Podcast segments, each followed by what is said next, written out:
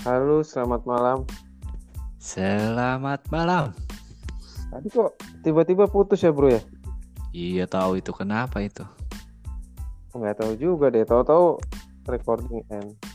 Ini kita masih nunggu teman agen kita lagi dua lagi nih. Oke, siap di kopi. Agen Budi. Oh iya. Masih sama agen Budi. Mungkin bisa diperkenalkan dulu nih teman agen kita nih untuk pertama kalinya nih. Oke, selamat malam netizen di seluruh pelosok Indonesia. Perkenalkan nama saya Agen Sam dari pelosok Tangerang. Waduh, kirain dari Amerika Serikat nih, Paman Sam. Ya, mungkin masih ada keturunan dari nenek saya waktu itu.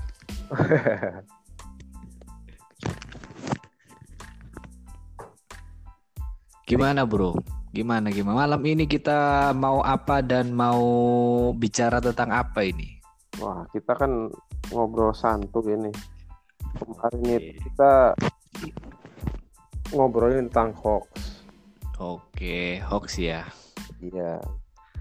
Nah, ini kebetulan rencananya ini kan kita mau berempat nih, Bro.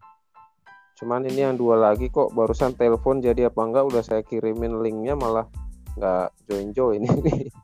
Oke, kita tunggu aja. Mungkin masih di perjalanan atau menuju rumah.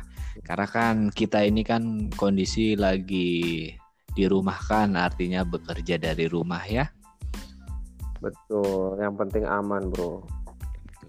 Kesehatan dan keluarga itu yang utama. Mantap. Kalau agen Sam sendiri nih tadi kira-kira apa aja nih yang dikerjain tadi?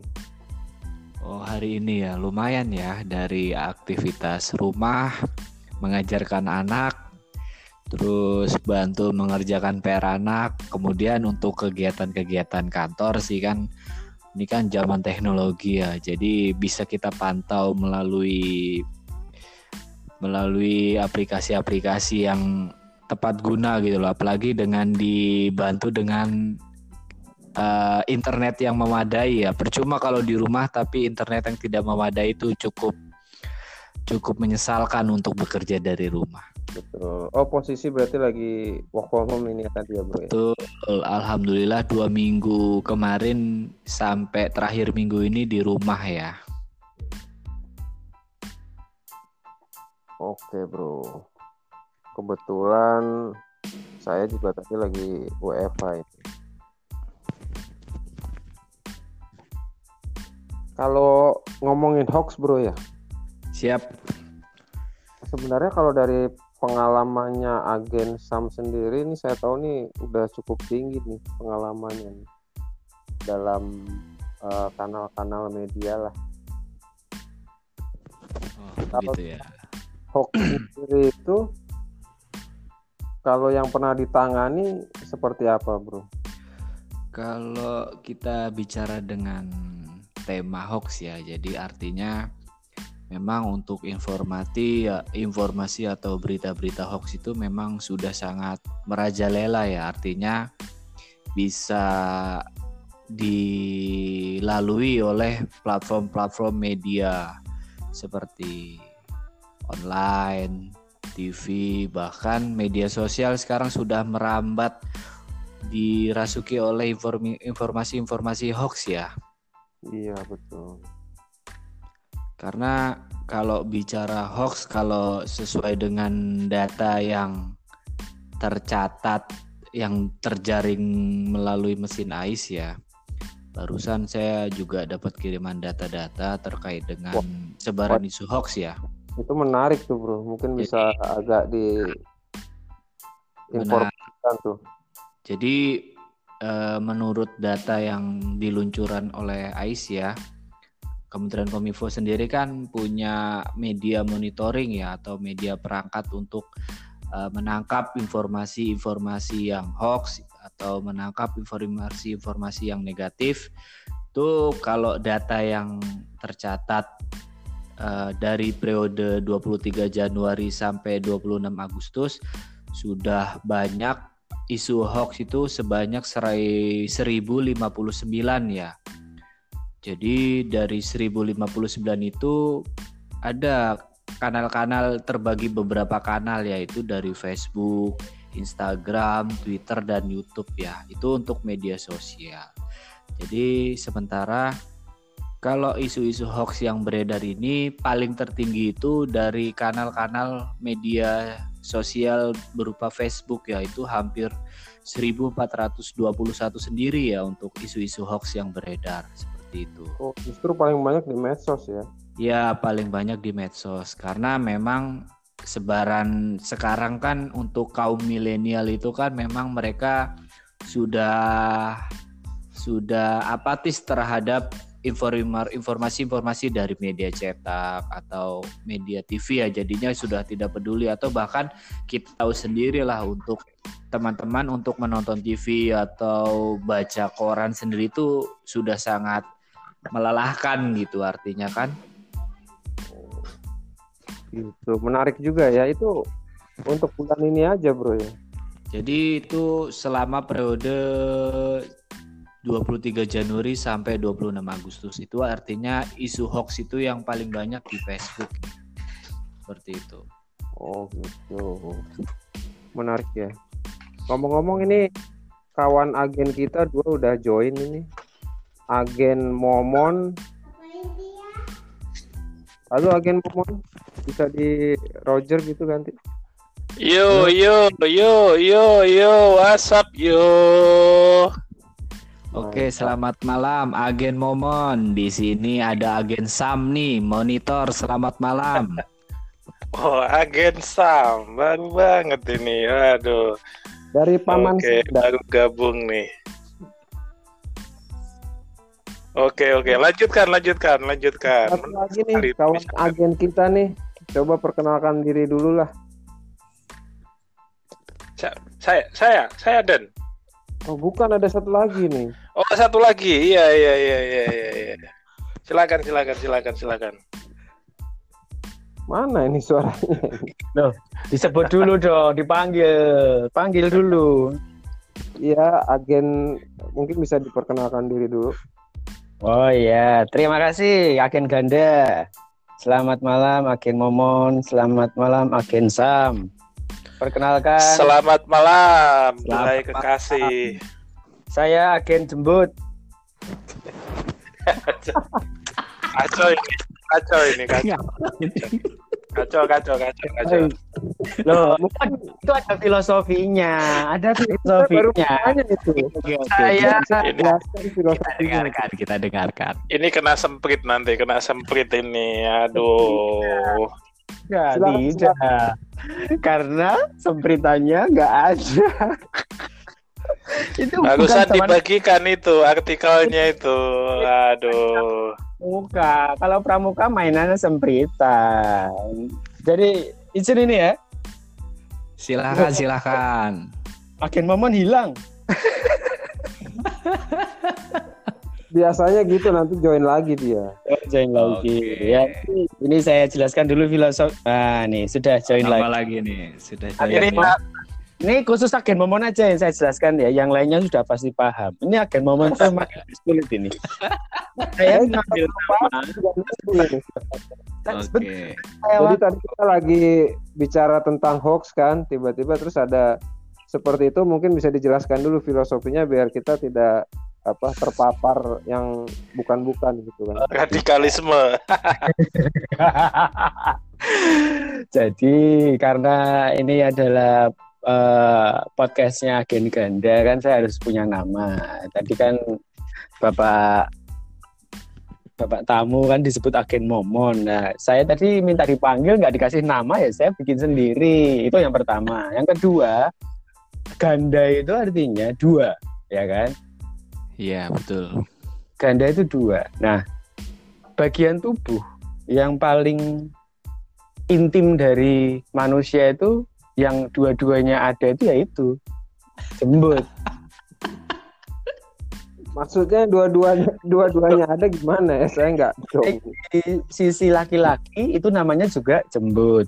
Baik di sisi perempuan itu namanya juga jembut. Nah, karena ganda itu maka saya menyebut diri saya sebagai agen jembut.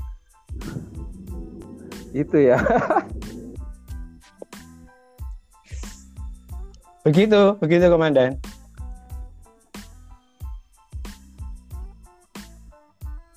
Halo?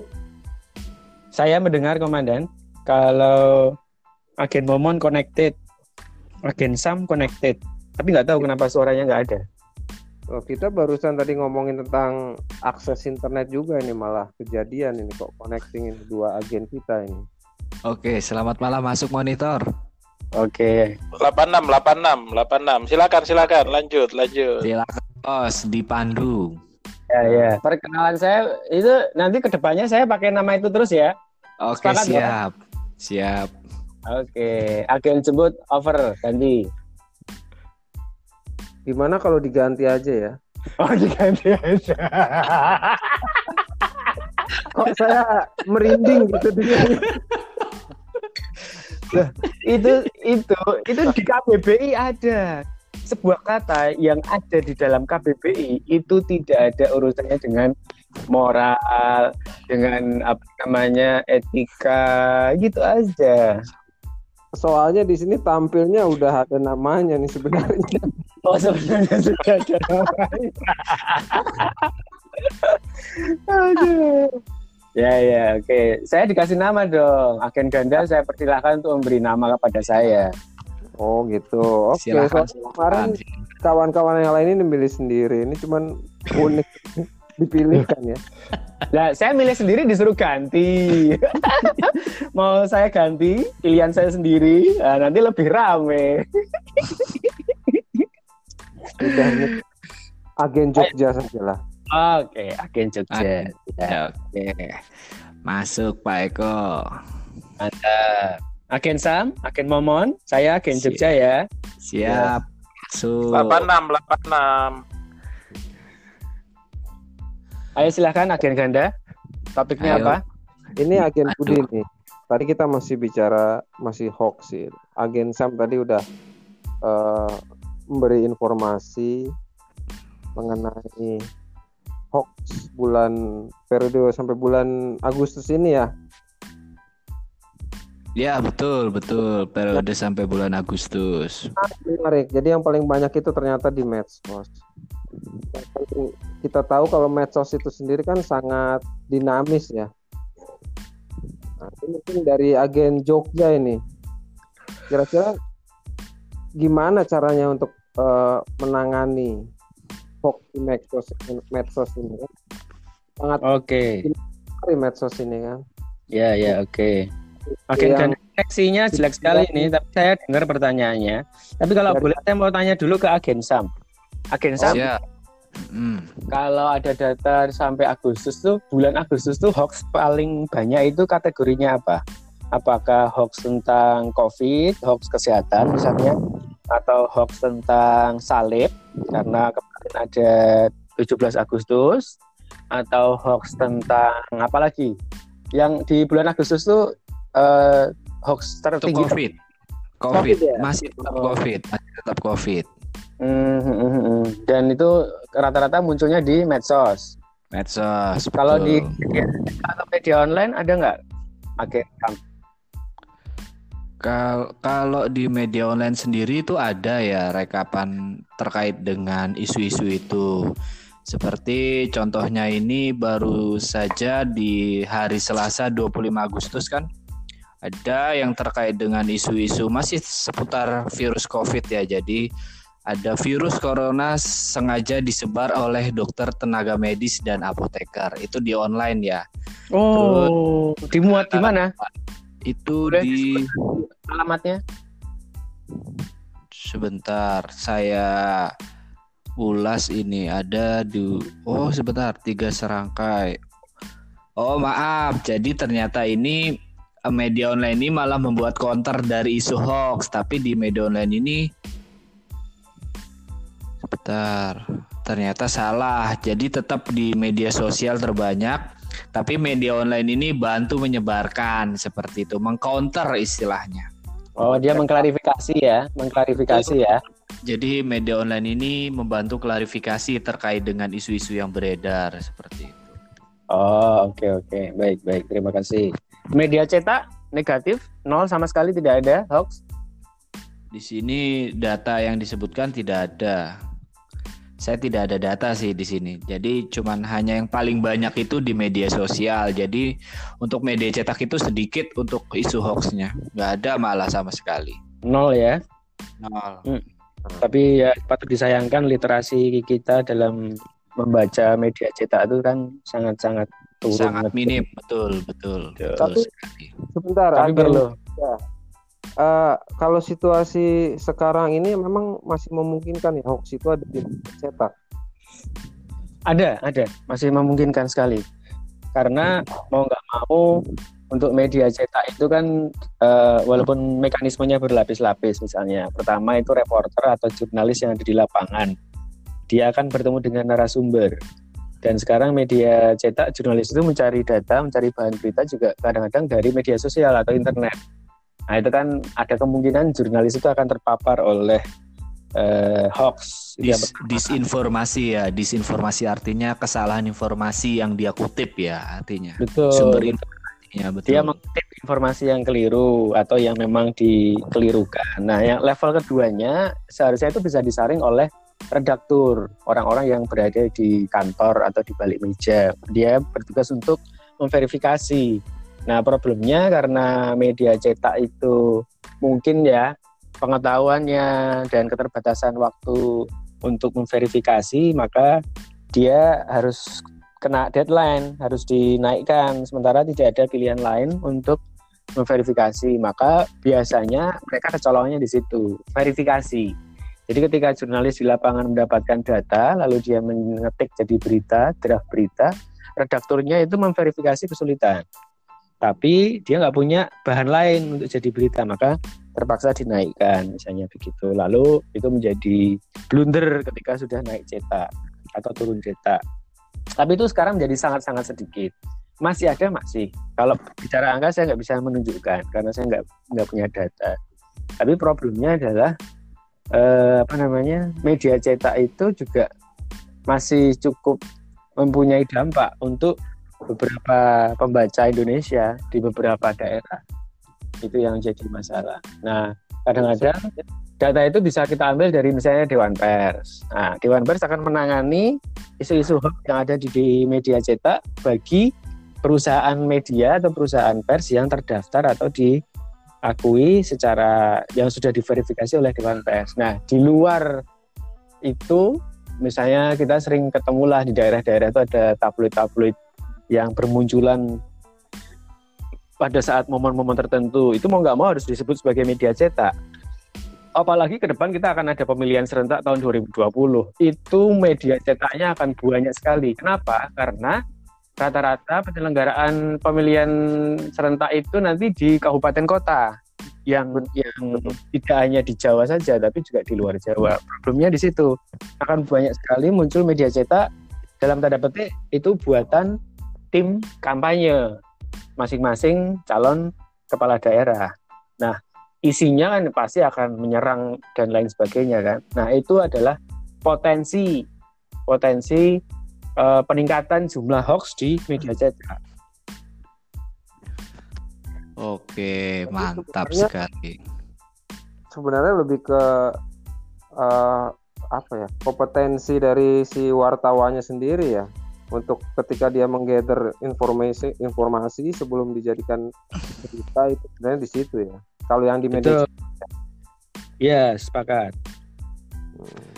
Kalau bicara media cetak nih, saya punya data menarik nih dari Dewan Pers. Jadi tadi disinggung-singgung kan terkait dengan media yang terverifikasi atau administrasi ya. Jadi saya punya data nih sumber dari Dewan Pers eh, per Juni 2020. Jadi media cetak ini yang telah terverifikasi administrasi sebanyak 122 media. Sedangkan yang terverifikasi administrasi dan faktual sebanyak 265 media. Itu untuk media cetak sendi- sendiri ya. Kalau untuk data-data lainnya ada juga sini disebutkan sumber dari Dewan Persnya. Oh, itu media cetak ya.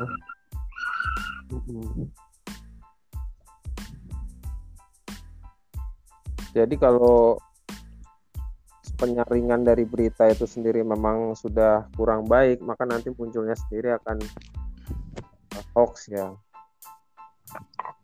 Kalau agen Momon gimana nih agen Momon? Monitor agen Momon? Halo, halo.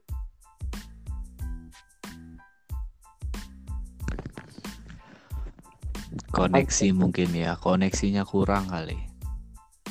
tulisannya connected sebenarnya. Nggak tahu ke mana nih agen Momon ini. Mungkin lagi nyeruput kopi sambil makan. Wah, kalau dia mah bukan kopi kayaknya. Oh, kalau agen momen itu minumannya itu bir. Waduh. Tes, tes, tes. Masuk nggak? Nah, Masuk nggak? Masuk. Udah kembali. Agen momen itu kalau minum itu dia nggak minum kopi. Minumnya itu bir zero alkohol. Yang kaleng ungu ya. Kuning, kuning, kuning. Lahan bukan ungu. sebut sebut sebut merek boleh nggak ini agen ganda? Jangan nanti kita nggak di endorse soalnya. Oh iya. Banget. Masuk ya ini ya suaranya ya. Tadi nggak masuk ya? Nggak masuk. Jadi sepertinya kalau masuk. pakai alat tambahan dia nggak bisa dan masih belum bisa dan. Oh, aku ini tadi baca-baca itu apa? Ada beberapa baca gitu. Jadi dia itu kalau ganti layar itu nggak bisa ya? Oh, Harus kalau di dikeluarin dulu bisa, bisa. Bisa, bisa harus bisa ya? Bisa. Berarti memorinya mungkin. Oh gitu. Wah ini mesti anu ini berarti.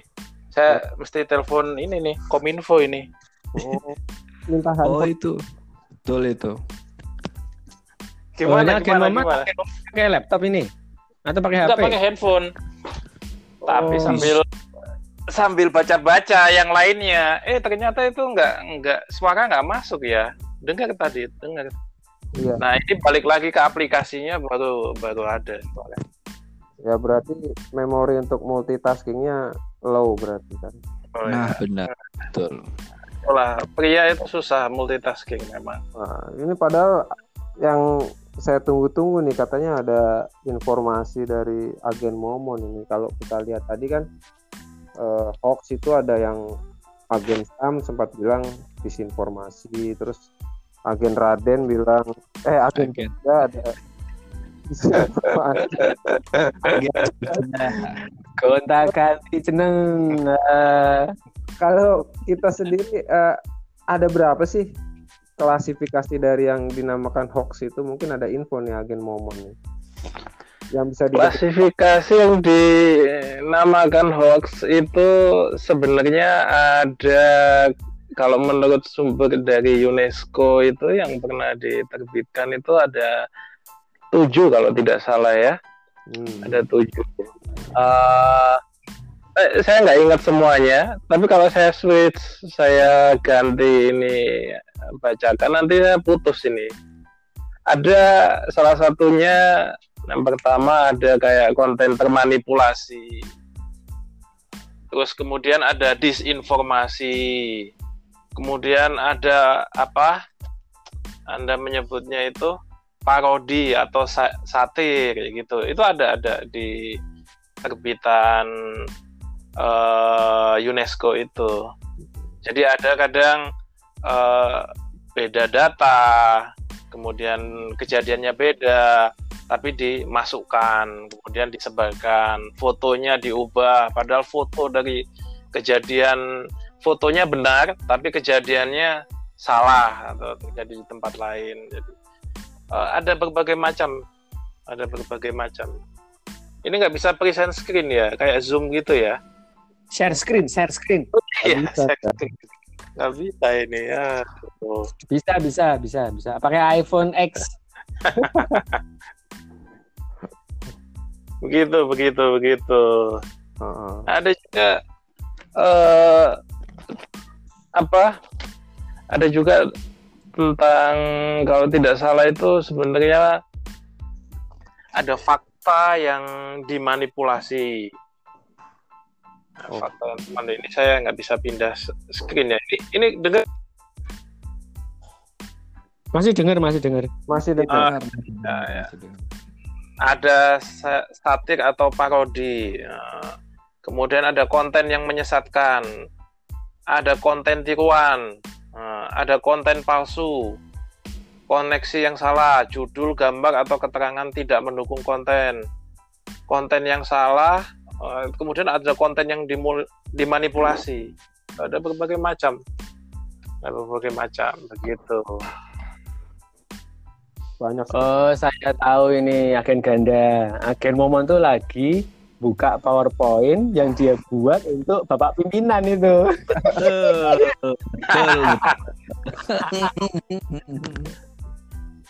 Betul. Betul, betul. Yang dipakai oleh semua. Oke, oke, oke, oke. Begitu itu. Banyak macam-macamnya, banyak macam-macamnya. Dan kita di Tujuh ya, eh, bilang tujuh tadi. kita di Indonesia sepertinya mengikuti itu ya, yang dari UNESCO itu ya.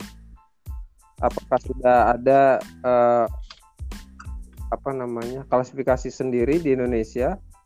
Apa mengikuti itu? Sepertinya kalau yang saya tahu kita ikut itu ya. Iya. Ada itu laporan yang bisa diakses oleh publik ya di namanya turnbackhoax.id atau di aduankonten.id. Nah, di situ ada klasifikasinya, ada stempelnya gitu, ada disinformasi, ada stempel hoax, ada te- stempel. Jadi mengikuti mengikuti klasifikasi itu. Tapi yang terbaru ini ada namanya itu disinfodemic atau infodemic yang apa itu ditambahkan ya itu sebenarnya itu ada maksud-maksud baik tapi sebenarnya salah. Nah, ini menurut UNESCO juga ini UNESCO dan WHO ada artikelnya juga yang terkait dengan COVID-19. Jadi maksudnya itu baik, ingin membantu, tapi itu salah sebenarnya. Contohnya obat-obatan herbal itu bisa menyembuhkan COVID. Nah, minum ini apa akar-akar ini bisa menyembuhkan. Nah, itu kemudian disebarkan. Sebenarnya tidak sengaja, tapi sebenarnya itu salah juga. Yang membuat juga coba-coba dan disebarkan. Dan juga ada ajakan-ajakan bahwa uh, COVID ini konspirasi gitu. Uh, kita harusnya apa sedikit harus waspada ini karena sudah dari ID sendiri kan mengumumkan 86 dokter ya yang gugur di garis depan begitu. Begitu begitu. Iya, jadi Monitor. Jadi memang eh, informasi yang eh, dalam hal ini kok eh, menyangkut COVID tapi eh, belum teruji secara klinis sudah disebarkan mungkin begitu ya. Iya betul betul betul betul. Jadi banyak sekali ternyata ya apa namanya jenis-jenis dari hoax ini. Kalau pandangannya agen Jogja sama agen Sam sendiri gimana nih? Untuk eh, klarifikasi ini, apakah kita Loh, agen agen Sam kok keluar itu iya putus. bikin kopi ini. Agen Jogja Ah. masih monitor? Monitor dong, monitor. Nah, apa namanya jenis-jenis dari hoax itu sendiri kan banyak tadi. Nah, kita dalam klarifikasinya itu eh, sebenarnya udah ada belum sih teknik untuk klarifikasinya dari hoax-hoax ini? Mengingat kan hoax ini kan munculnya per hari itu banyak sekali ya. Iya betul betul. Ya harusnya ada lah metode untuk klarifikasi, terutama itu yang harusnya disusun oleh pemerintah. Jadi pemerintah itu memang harus eh, apa namanya melakukan klarifikasi karena urusannya adalah kepentingan publik. Jadi kenapa harus diklarifikasi? Karena hoax itu berdampak negatif.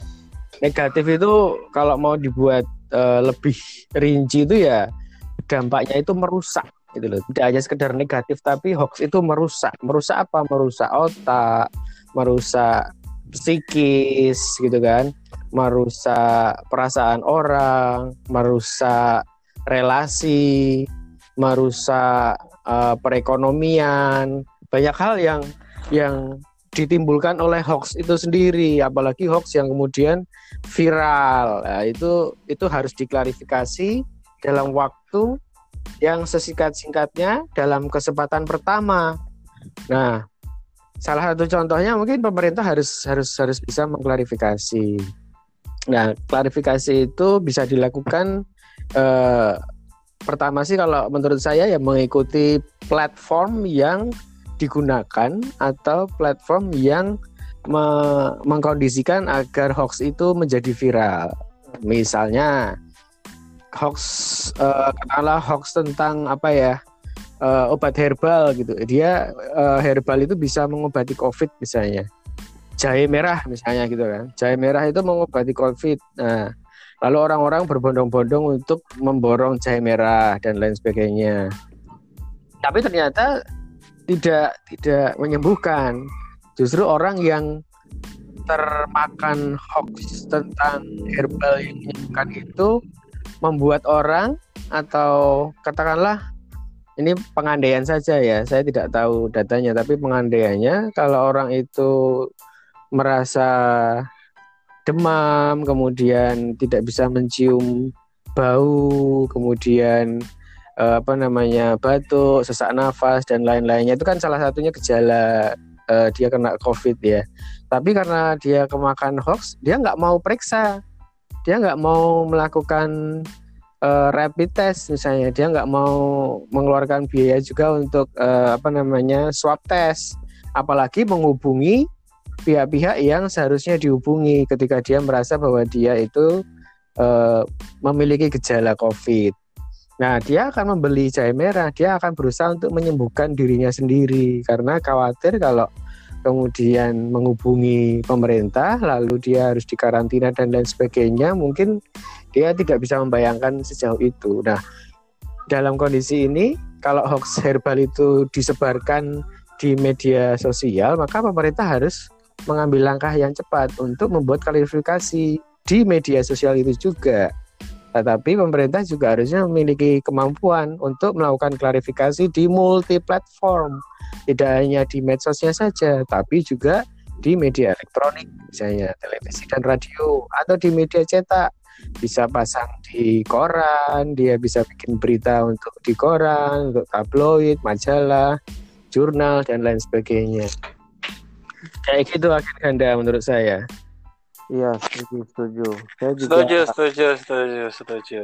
pernah dengar eh, apa paparan dari Bapak staf ahli itu uh, memang hoax ini luar biasa sekali ya pengaruhnya terutama ke otak jadi hoax ini dia menyasar bagian otak manusia itu yang dinamakan dari frog's brain jadi uh, bagian otak kita yang istilahnya apa ya reptil lah gitu. Jadi kalau kita membaca berita hoax itu langsung yang merespon otak sini yang crocs brain itu uh, ya sudah kita bawaannya marah lalu gelisah dan sebagainya dan sebagainya. Seperti itu sih yang saya pernah uh, dengar paparan dari bapak itu. Sekarang kalau kita mau klarifikasi ya ini agen sam sebelumnya udah pernah belum nih ngelakuin klarifikasi berita hoax?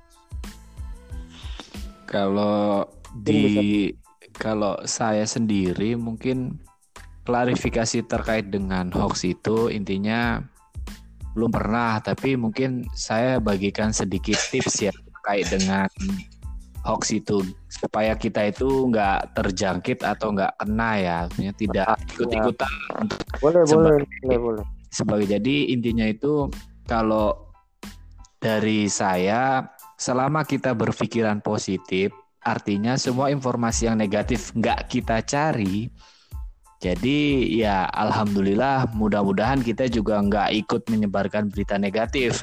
Artinya kalau kita berpikiran positif itu kan kita setidaknya mengurangi dampak dari penyebaran itu kalau misalkan kita yang cari di media sosial di media online terkait dengan isu yang lagi lagi hangat, isu yang lagi naik itu isu-isu negatif, ya sebaiknya kita nggak usah cari. Jadi kita cari aja informasi-informasi positif. Itu yang setidaknya untuk mengurangi kecenderungan sebagai agen penyebar hoax seperti itu. Jangan lupa juga saring dulu sebelum sharing ya, bro ya. Betul, betul, betul. Jangan sampai jarimu lebih cepat dari otakmu gitu kan. Oh gitu. Saya kira udah apa mungkin pernah mengklarifikasi berita hoax karena uh, kalau yang saya tahu kalau kita melakukan klarifikasi atas berita hoax itu sekarang kan namanya yang cek fakta itu ya. Oh iya betul.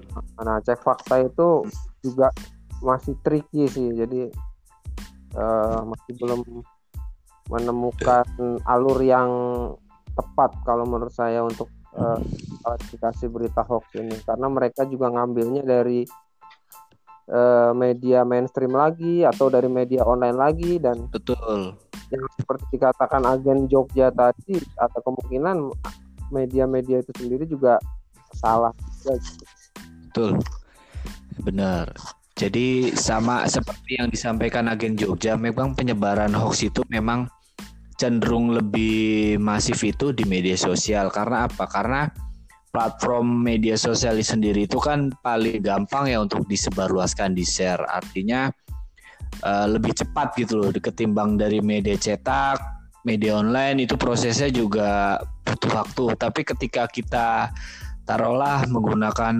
platform chat seperti ya kita sebut saja seperti WhatsApp atau sejenisnya itu paling cepat. Misalkan kita dapat informasi dari rekan, saudara atau grup-grup lainnya misalkan eh, sebenarnya indikasi untuk mengidentifikasi berita hoax itu paling mudah ya asalkan kita temui misalkan tolong sebarkan, tolong viralkan. Nah, itu sudah masuk ke kategori informasi yang perlu diwaspadai. Masa informasi ini minta bantu disebarluaskan, tolong viralkan gitu kan. Itu ciri-ciri yang paling gampang untuk kita temui kalau untuk beredar di media sosial seperti itu. Iya sih, terus juga kata-katanya huruf besar semua, caps lock, keyboard seperti itu ya mungkin ya. Betul, betul, betul. Mungkin agen Jogja atau agen Momon ini punya sharing mengenai cek fakta ini?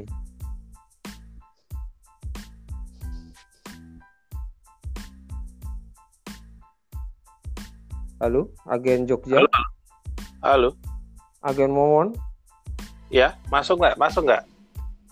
Tes, tes, tes. Oke, masuk, oke. masuk. Agen Jogja. Oh, Monitor, monitor. Oh. Mungkin ada yang bisa dibagikan eh, ke teman-teman pendengar uh, mengenai cek fakta ini sulitnya cek fakta ini. Kan tricky ya kita untuk uh, klarifikasi suatu berita hoax itu. Mungkin mungkin atau ada ada ide-ide brilian lah dalam uh, klarifikasi hoax ini. Cek fakta itu sebenarnya banyak yang sudah menyediakan. Problemnya kan lebih banyak lagi hoaxnya daripada uh, teman-teman kita yang berusaha untuk menyediakan apa namanya cek fakta itu sendiri. Saya sebagai penikmat uh, media sosial itu juga kadang-kadang merasa males kalau mau ngecek gitu kan. Makanya uh, ukurannya tidak menjadi bagaimana cara mengecek faktanya, tetapi kembali ke diri sendiri. Apakah memang benar kita membutuhkan informasi ini? Ini kan flood of information. Era keterbukaan informasi itu membuka semua sumbatan-sumbatan informasi yang selama ini eh, apa namanya tertutup, ya kan? Nah, begitu semua sumbatan ini dibuka, entah dengan koneksi internet yang sudah mulai bagus, semakin banyaknya media online, media sosial dan lain sebagainya. Jadi uh, saya sendiri merasa kebanjiran informasi. Ada tsunami of information. Nah, saya kemudian bertanya pada diri saya sendiri, apakah saya memang membutuhkan sebegitu banyak informasi yang hadir di misalnya di laptop, di PC atau bahkan di handphone. atau bahkan di televisi, di YouTube dan lain sebagainya. Enggak, saya tuh merasa nggak butuh. Balik balik lagi ke diri sendiri bahwa manusia itu ya kebutuhan pokoknya itu cuman uh, pangan, sandang, papan kan begitu. Nah, ketika kebutuhan pokok itu sudah terpenuhi, dia akan mencari atau memenuhi kebutuhan sekunder, ya kan? Yang berhubungan dengan misalnya transportasi, kemudian yang berhubungan dengan apa namanya uh, informasi, ya kan? Nah, kalau dia merasa sudah terpenuhi kebutuhannya, mungkin dia akan mencari pemenuhan kebutuhan tersier, ya kan? Misalnya soal uh, privilege atau soal kemewahan. Maka kalau dalam konteks tsunami of information ini ya, saya akan bertanya apakah saya memang butuh informasi tentang COVID misalnya. Ya, pasti saya merasa butuh, maka saya akan mencari misalnya pada suatu ketika saya harus menuju ke sebuah daerah lalu saya akan mengecek. Saya akan mencari informasi apakah daerah yang saya tuju ini masuk kategori merah misalnya atau kategori hijau misalnya. Maka saya akan menyiapkan diri saya sebaik-baiknya. Entah membatalkan eh, apa namanya pekerjaan itu karena ternyata daerah yang saya akan datangi itu merah daripada mengambil resiko ya mending tidak jadi. Nah semacam itu informasi yang kemudian saya pilih. Saya akan mencari informasi yang saya butuhkan saat ini saja. Yang saya butuhkan besok gitu kan. Saya nggak butuh informasi soal misalnya kenapa dinosaurus itu punah ayo ya udah ya udah ya buat saya nggak penting kan gitu. Itu dalam kategori saya itu informasi tersier jadi hanya untuk sekedar memenuhi rasa ingin tahu, kepuasan gitu kan. Padahal nggak ada manfaatnya bagi hidup saya hari ini dan hidup saya besok gitu kan. Itu kira-kira dari saya Ken Handa. Kalau kita tips-tipsnya ya, menarik sekali ini. Tips-tips dari agen Jogja. Kalau agen Momon sendiri gimana agen Momon?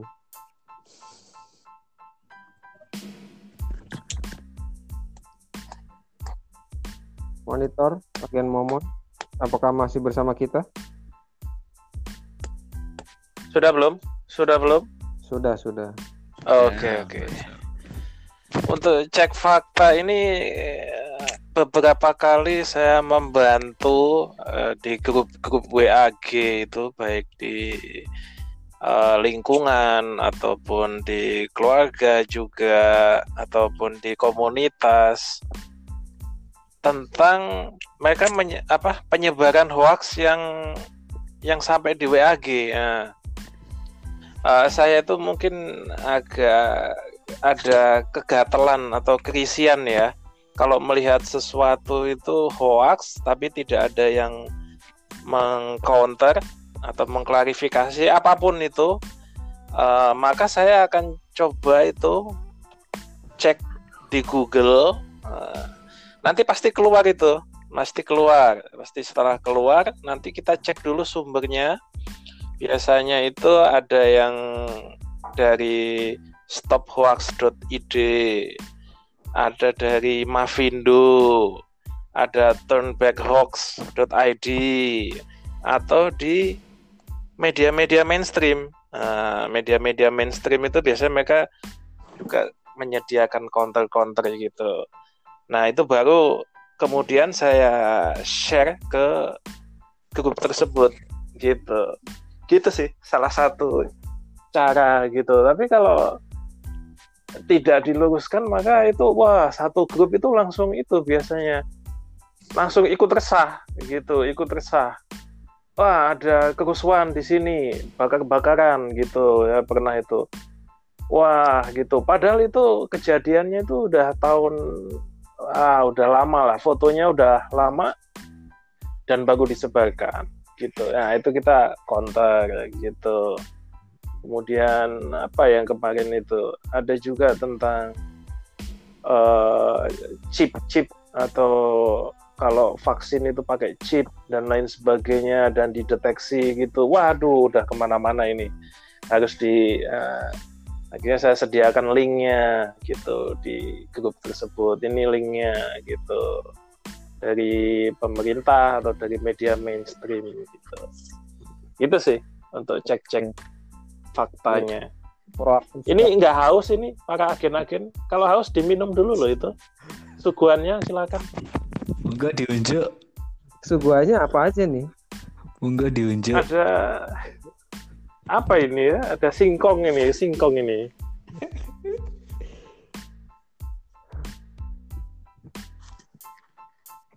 Saya sama empon-empon ini. Bonbon. boleh, boleh, boleh.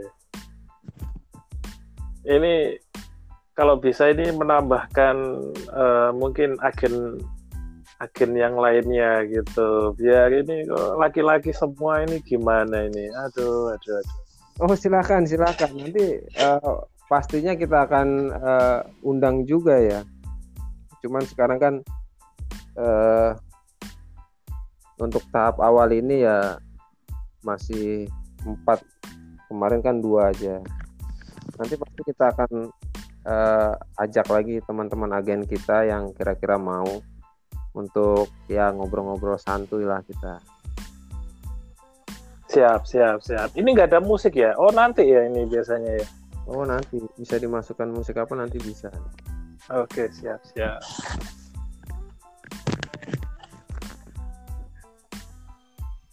sudah tak terasa nih satu jam kita. Eh, terima kasih pada teman-teman agen yang sudah mau bergabung. Eh, mungkin ada apa ya kata-kata penutup lah dari eh, teman-teman agen ini dipersilakan mengenai hoax ini, terutama di saat covid ini. Tadi yang sudah dibilang sama agen Momon dan agen Raden juga kita banyak sekali informasi ada namanya sampai di infodemi itu kan tsunami informasi. Mungkin teman-teman ada yang mau sebelum kita tutup pesan-pesannya? Silakan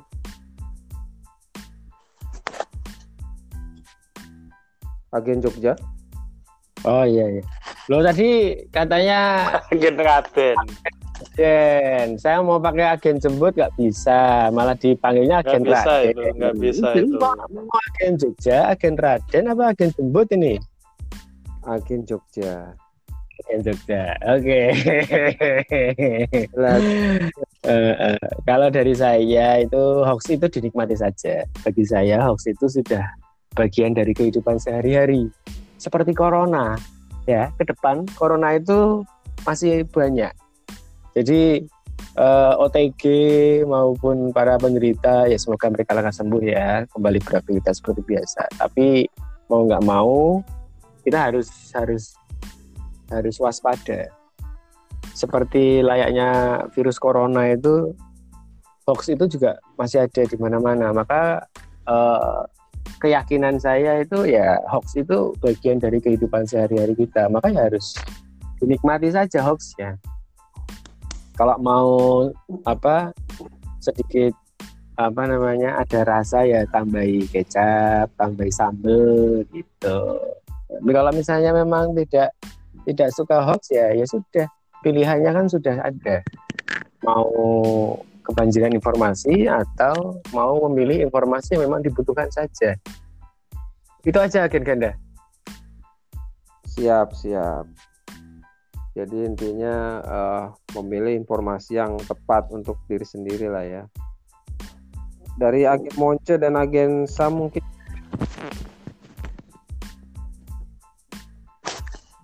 Stay safe. ganti loh agen Monce itu mana itu agen Monce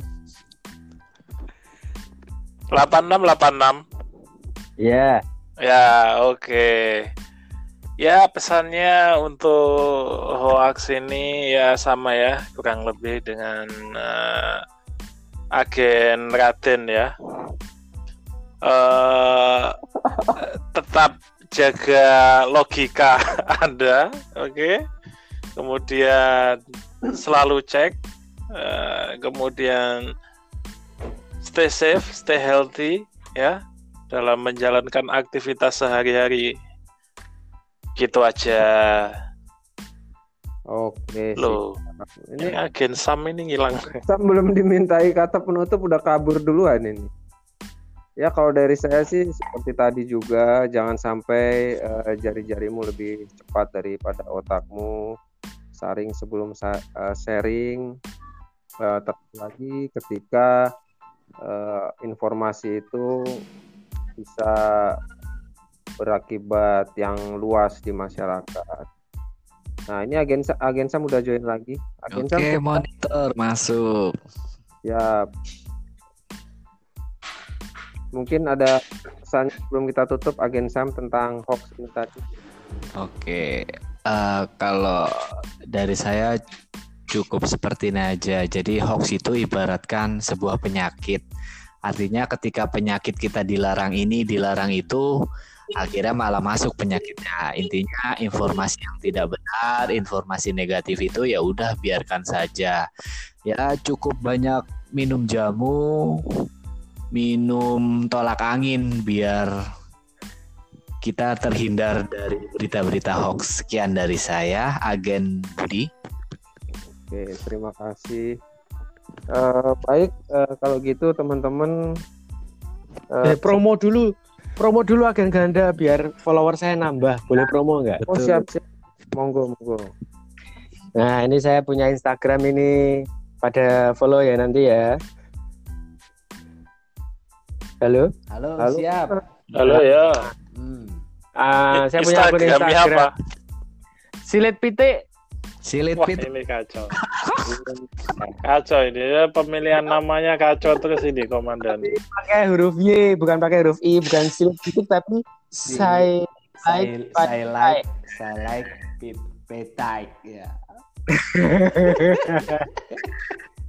S Y L Y T P Y T Y K. Okay. Light Pai Tai. Oke. Okay. Silakan di follow dibanjiri dengan informasi. yang kedua, yang kedua uh, Instagram saya underscore Y T Y L underscore. Itu ya. Oke. Okay. Instagram yang kedua underscore garis bawah. Y T YL underscore. Jadi di depan ada underscore, di belakang ada underscore-nya. Underscore YTYL underscore. Ini Follow ya. Ini nanti postingnya cuma satu, dua. Oh nggak ada, saya cuma cari-cari nama saja. Ya kan.